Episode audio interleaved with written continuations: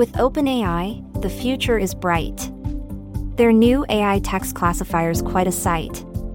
To curb the freewheeling reputation of ChatGPT and help detect who wrote that homework we all took.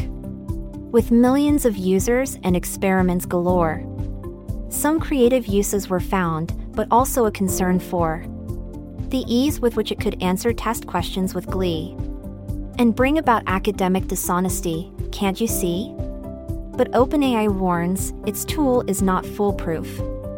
The method for detecting AI written text, quite aloof.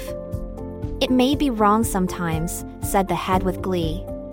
So, rely on it wisely, for the best results you'll see.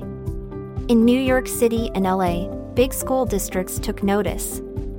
And to block its use was their final and well thought choice. But with technology advancing and knowledge in store, OpenAI and its tools will continue to soar. So, to the teachers, students, and all of the masses, use this tool with caution and good judgment, classes.